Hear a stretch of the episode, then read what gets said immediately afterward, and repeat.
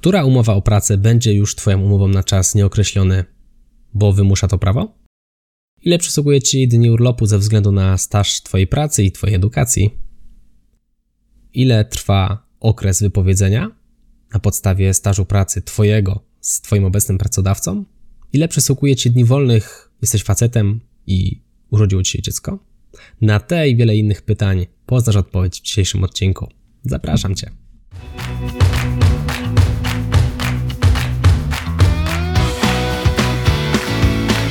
Chcesz przenieść swoją karierę na wyższy poziom? Nieważne, czy pracujesz na etacie, czy jesteś przedsiębiorcą.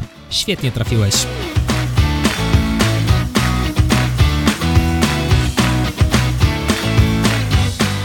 Nazywam się Michał Kowalczyk i witam Cię w Excellent Work Podcast.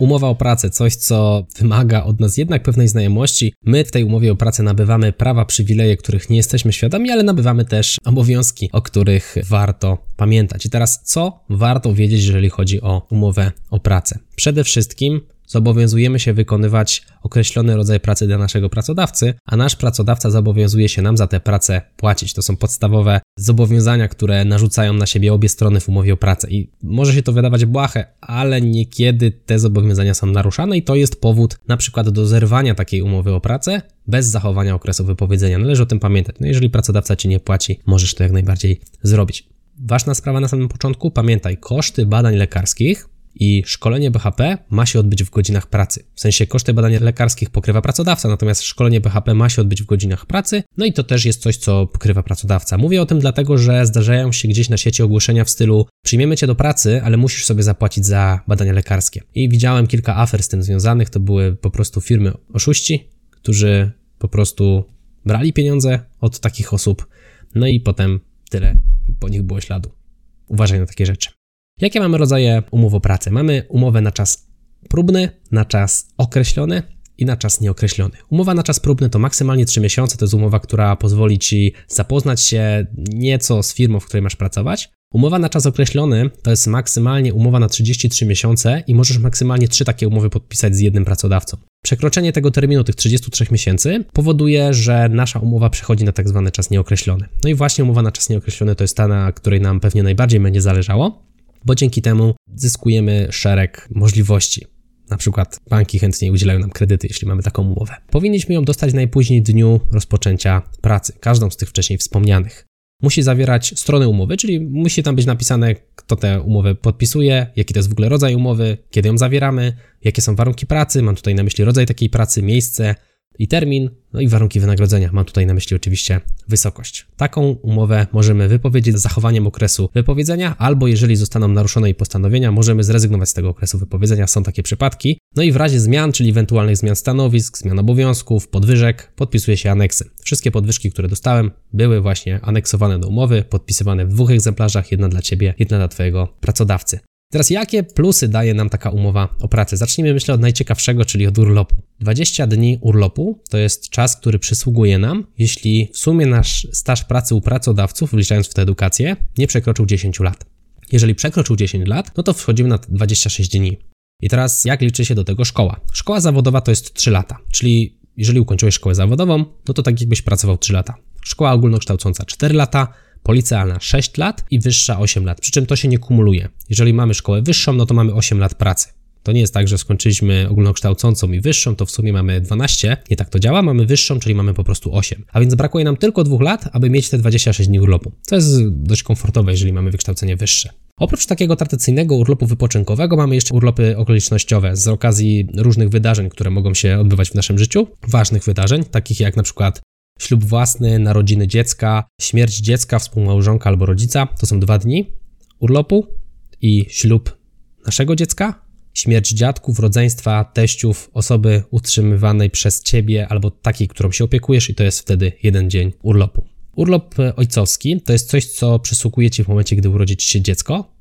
Możesz z niego skorzystać do drugiego roku życia Twojego dziecka. To są dodatkowe dwa pełne tygodnie urlopu. I teraz możesz je wziąć albo z rzędu, albo możesz je podzielić na dwa tygodnie. I teraz ciekawostka, jeżeli w ciągu tego tygodnia wypada święto, no to niestety to święto nie jest uwzględniane. W sensie chodzi o to, że no, masz tak jakby 4 dni urlopu plus święto i nie możesz tego święta sobie gdzieś tam później odebrać. Dlatego warto obierać takie tygodnie, w których nie ma świąt. Po prostu dodatkowy dzień urlopu zyskujemy. Wniosek o start takiego urlopu przydałoby się złożyć minimum 7 dni przed jego startem. Tak o tym mówi ustawa. Natomiast wiadomo, no, jeżeli planujemy jakiekolwiek urlopy, warto byłoby pracodawcę o tym poinformować nieco wcześniej, no, żeby po prostu zachować sobie z nim dobre stosunki. Skoro było o urlopach rodzicielskich dla ojca, no to może coś więcej o urlopach macierzyńskich i rodzicielskich, tym razem dla mam. Mamy 20 tygodni urlopu macierzyńskiego, to się zmienia w zależności od tego, ile dzieci urodziliśmy. My się złapiemy tutaj analizy dla jednego dziecka, no bo rzadko kiedy rodzą się bliźniaki, a jeszcze rzadziej trojaczki czy czworaczki. I teraz mamy 20 dni urlopu macierzyńskiego, a potem ewentualnie 32 tygodnie urlopu rodzicielskiego dodatkowo, czyli w sumie 52 tygodnie. Jak wygląda kwestia płacenia w tym czasie? Albo dostajemy przez 26 dni 100% i przez 26, mam na myśli oczywiście tygodni, 26 tygodni 100% i 26 tygodni 60%, albo przez całe 52 tygodnie równo 80%. To się sumuje do jednej kwoty. I teraz pamiętajmy też, że w tym czasie tego roku gromadzi się nam tradycyjny urlop, czyli jeżeli jesteśmy na 26 dniach, to jeszcze dodatkowo zyskamy te 26 dni. Czyli jakbyśmy się tak głębiej zastanowili, to jeszcze dodatkowe 5 tygodni urlopu takiego zwykłego płatnego jeszcze nam się uzbiera. Dodatkowo, w momencie, gdy mamy dziecko, zyskujemy też dni wolne na opiekę, ale tych bonusów mamy z okazji posiadania dzieci. Dodatkowe dwa dni na dziecko do 14 roku życia. Tylko, że te dwa dni jest na parę rodziców, czyli albo mama bierze dwa dni, albo tata bierze dwa dni, albo bierzemy po jednym. Nie ma tak, że dostajemy 4 dni, bo jest nas dwójka. Każdy z nas dostaje po prostu razem dwa i musimy się jakoś tymi dniami podzielić. No i pamiętajmy też, że nasze dziecko czasami może być chore, wtedy możemy wziąć dni wolne na opiekę nad chorym, to jest do 60 dni rocznie. Wtedy płaci ZUS 80% naszego wynagrodzenia ze średniej naszej pensji z 12 miesięcy, a więc bierzemy pensję z 12 miesięcy, dzielimy przez 12 i 80% z tego zapłaci nam ZUS. W materii przywilejów związanych z wypłatą, ona powinna być co najmniej raz w miesiącu, najlepiej o tej samej porze, no i nie później niż do 10 dnia miesiąca następującego po miesiącu, w którym świadczyliśmy pracę. Mówię jak jakiś prawnik albo kadrowa. A tak w dużym skrócie chodzi o to, że jeżeli w sierpniu pracowaliśmy, no to pieniądze powinniśmy mieć najpóźniej 10 września. Po prostu tak w dużym skrócie. Mamy też dostęp do paska płac, czyli jeżeli byśmy chcieli się dowiedzieć, jakie są tam składowe na tę naszą pensję, jak najbardziej taki pasek płac możemy od pracodawcy dostać, on nam musi do niego ten dostęp dać. Co do czasu pracy, nadgodzin, jak to wygląda? Nie powinien ten czas pracy przekraczać 8 godzin na dobę i 40 godzin w tygodniu. Jeżeli święto wypada w sobotę, będziemy mieli dzień wolny w tygodniu, zazwyczaj pracodawca określa ten dzień. Nadgodziny maksymalnie 150 nadgodzin w roku, maksymalnie 8 godzin na tydzień i maksymalnie 5 godzin na dobę. Za nadgodziny przysługuje nam dodatek 50 lub 100%, w zależności od tego, czy nadgodzina była robiona w zwykłym dniu, czy była robiona w weekend lub święto. Możemy te nadgodziny też odebrać w charakterze godzin wolnych albo gdzieś tam w postaci całego dnia. Czyli jeżeli mamy na przykład, nie wiem, 8 nadgodzin, to możemy dogadać się z szefem, że w jeden dzień nie przychodzimy do pracy i wtedy te 8 godzin nam się odbiera. Jest jeszcze coś takiego jak system równoważnego czasu pracy, czyli wtedy pracujemy po 12 godzin, ale znowu też to się sumuje do 40 godzin w tygodniu. No i też pamiętajmy o tym, że musimy zachować 11 godzin odpoczynku. Czyli jeżeli mamy na przykład zmianę od 8 rano do 20, no to nie możemy rano przyjść do pracy na 6, no bo wtedy jest tylko 10 godzin odstępu, a musi być co najmniej 11. No tak to sobie ktoś skonstruował, tak to działa. Jeżeli pracujemy w takim równoważnym czasie pracy w weekendy czy święta, no to wiadomo, dostajemy dni wolne wtedy w tygodniu. Jak wygląda kwestia rozstania się z pracodawcą? W zależności od tego, jak długo z tym pracodawcą współpracujemy. Jeśli cię zwalniają, masz prawo do dwóch dni wolnego na szukaniu nowej pracy, jeżeli twój okres wypowiedzenia u pracodawcy wynosi dwa tygodnie i jeden miesiąc. Dodatkowo masz 3 dni wolnego na szukanie nowej pracy, jeżeli twój okres wypowiedzenia trwa 3 miesiące, czyli jeżeli pracujesz u pracodawcy co najmniej 3 lata. No właśnie, jak to jest z tymi okresami wypowiedzenia, ile to trwa? Jeżeli jesteś na umowie na czas próbny i pracujesz mniej niż dwa tygodnie, masz trzy dni okresu wypowiedzenia. Jeżeli jesteś na umowie na czas próbny i pracujesz powyżej dwóch tygodni, masz tydzień wypowiedzenia, a jeżeli pracujesz trzy miesiące, masz dwa tygodnie okresu wypowiedzenia. Czas próbny trzy miesiące to jest maksimum dla tego typu umowy.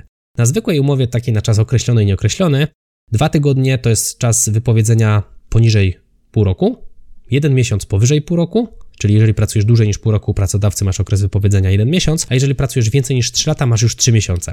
I oczywiście można się dogadać w kwestii tego wypowiedzenia, można go skrócić, można go wydłużyć. Tutaj ciekawostka w moim przypadku, w ostatniej firmie miałem miesięczny okres wypowiedzenia, ale pracodawca poprosił mnie o to, abym został 3 miesiące. I faktycznie byłem na wypowiedzeniu 3 miesiące, mimo że mogłem być miesiąc. Pamiętaj też, że wypowiedzenie kończy się w sobotę albo w ostatni dzień miesiąca. A więc jeżeli masz miesięczny okres wypowiedzenia i chciałbyś się zwolnić, no to to nie jest tak, że zaniesiesz na przykład 15 sierpnia wypowiedzenie, to już 15 września będziesz po pracy. No nie. Jeżeli zaniesiesz 15 sierpnia wypowiedzenie, to twoje wypowiedzenie zaczyna bieg 1 września i kończy się 30 września. Pamiętaj o tym. Dlatego najczęściej wypowiedzenia składa się pod koniec miesiąca, w jakieś tam ostatnie dni, aby zaczęły bieg od początku miesiąca, który zaraz startuje. Kiedy pracodawca nie może cię zwolnić? Nie może cię zwolnić przez 180 dni twojej choroby. Pierwsze 182 dni, dokładnie 182 dni. Czyli jeżeli jesteś chory tam pół roku, jest ok, pracodawca nie może cię zwolnić. Jeżeli masz urlop, też nie może cię zwolnić. Jeżeli złożyłeś wniosek, tutaj złożyłaś w zasadzie, bo to jest skierowane raczej do kobiet, o urlop wychowawczy, no niestety też pracodawca nie może cię zwolnić aż do końca trwania tego urlopu. Pamiętaj, że w momencie, kiedy żegnasz się z pracodawcą, rozlicz urlop. Najczęściej ten urlop będziesz po prostu odbierał, czyli załóżmy czysto teoretycznie, że masz jeszcze zaległe 10 dni urlopu i miesiąc wypowiedzenia. Bardzo często to będzie wyglądać tak, że ostatnie dwa tygodnie na wypowiedzeniu to jest czas, w którym ty będziesz na urlopie. Czasami jednak pracodawcy zależy na tym, żebyś podzielił się swoją wiedzą, którą zdobyłeś z nowo zrekrutowaną osobą, twoim zastępcą, no i wtedy mówi ci, ok, zostaniesz do końca na okresie wypowiedzenia, a te 10 dni to my ci wypłacimy. To jest coś, o czym warto pamiętać, no i nie zapomnij też o świadectwie pracy. Świadectwo pracy to jest coś, co dostajesz po ukończeniu przygody z e, Twoim pracodawcą. Dobrym pomysłem byłoby też poproszenie o referencję. Mnie się udało dostać referencję z jednej i z drugiej firmy. O jedne walczyłem pół roku, ale się udało. To jest fajna sprawa w momencie, kiedy zmieniasz pracodawcę. Zawsze dobrze podeprzeć swoje CV, swoje doświadczenie właśnie listem referencyjnym od byłego pracodawcy. To jest dobrze rozpatrywane. Tyle jest w kwestii przywilejów. Jakie zatem mamy obowiązki? Przede wszystkim sumienne i staranne wykonywanie pracy, stosowanie się do poleceń przełożonych, no to jest w końcu nasz przełożony, więc musimy go słuchać. Musimy przestrzegać czasu pracy, czyli jakieś tutaj spóźnienia i inne rzeczy to jest coś, co narusza ten nasz stosunek pracy. Nie wolno łamać regulaminów, zasad PHP i przeciwpożarowych, ale to w zasadzie wszędzie, nie tylko w pracy. Musimy dbać o dobro zakładu, chronić jego mienie, nie wykradać jakichś tajemnic i dzielić się nimi gdzieś tam szeroko, przestrzegać tej tajemnicy całej firmowej, no i ogólnie zasad współżycia społecznego, czyli te obowiązki takie dość, bym powiedział, mgliste, a z drugiej strony takie normalne. Po prostu trzeba być dobrym pracownikiem, tak w dużym skrócie. Po to chodzi w umowie o pracę. No i teraz mam nadzieję, że to dla Ciebie jest jasne. Tutaj dużo takich y, twardych informacji. Ja nagrywam to w sierpniu 2020 roku, więc wszystkie informacje, które tutaj są zawarte, są aktualne właśnie na ten czas. One być może będą się dezaktualizowały, być może nie. Natomiast z ciekawostek, wszystko o czym Ci tutaj powiedziałem, było aktualne też 4-5 lat temu, kiedy ja przyjmowałem się dopiero do pracy, a więc wygląda na to, że to prawo pracy jakoś tam bardzo się nie zmienia. To był Excellent Work Podcast. Jeżeli podobało Ci się to, co dla Ciebie przygotowałem, podziel się tym odcinkiem z jedną osobą, zasubskrybuj go w Twojej aplikacji albo daj suba na YouTubie. Do zobaczenia, do usłyszenia. Mówił dla Ciebie Michał Kowalczyk.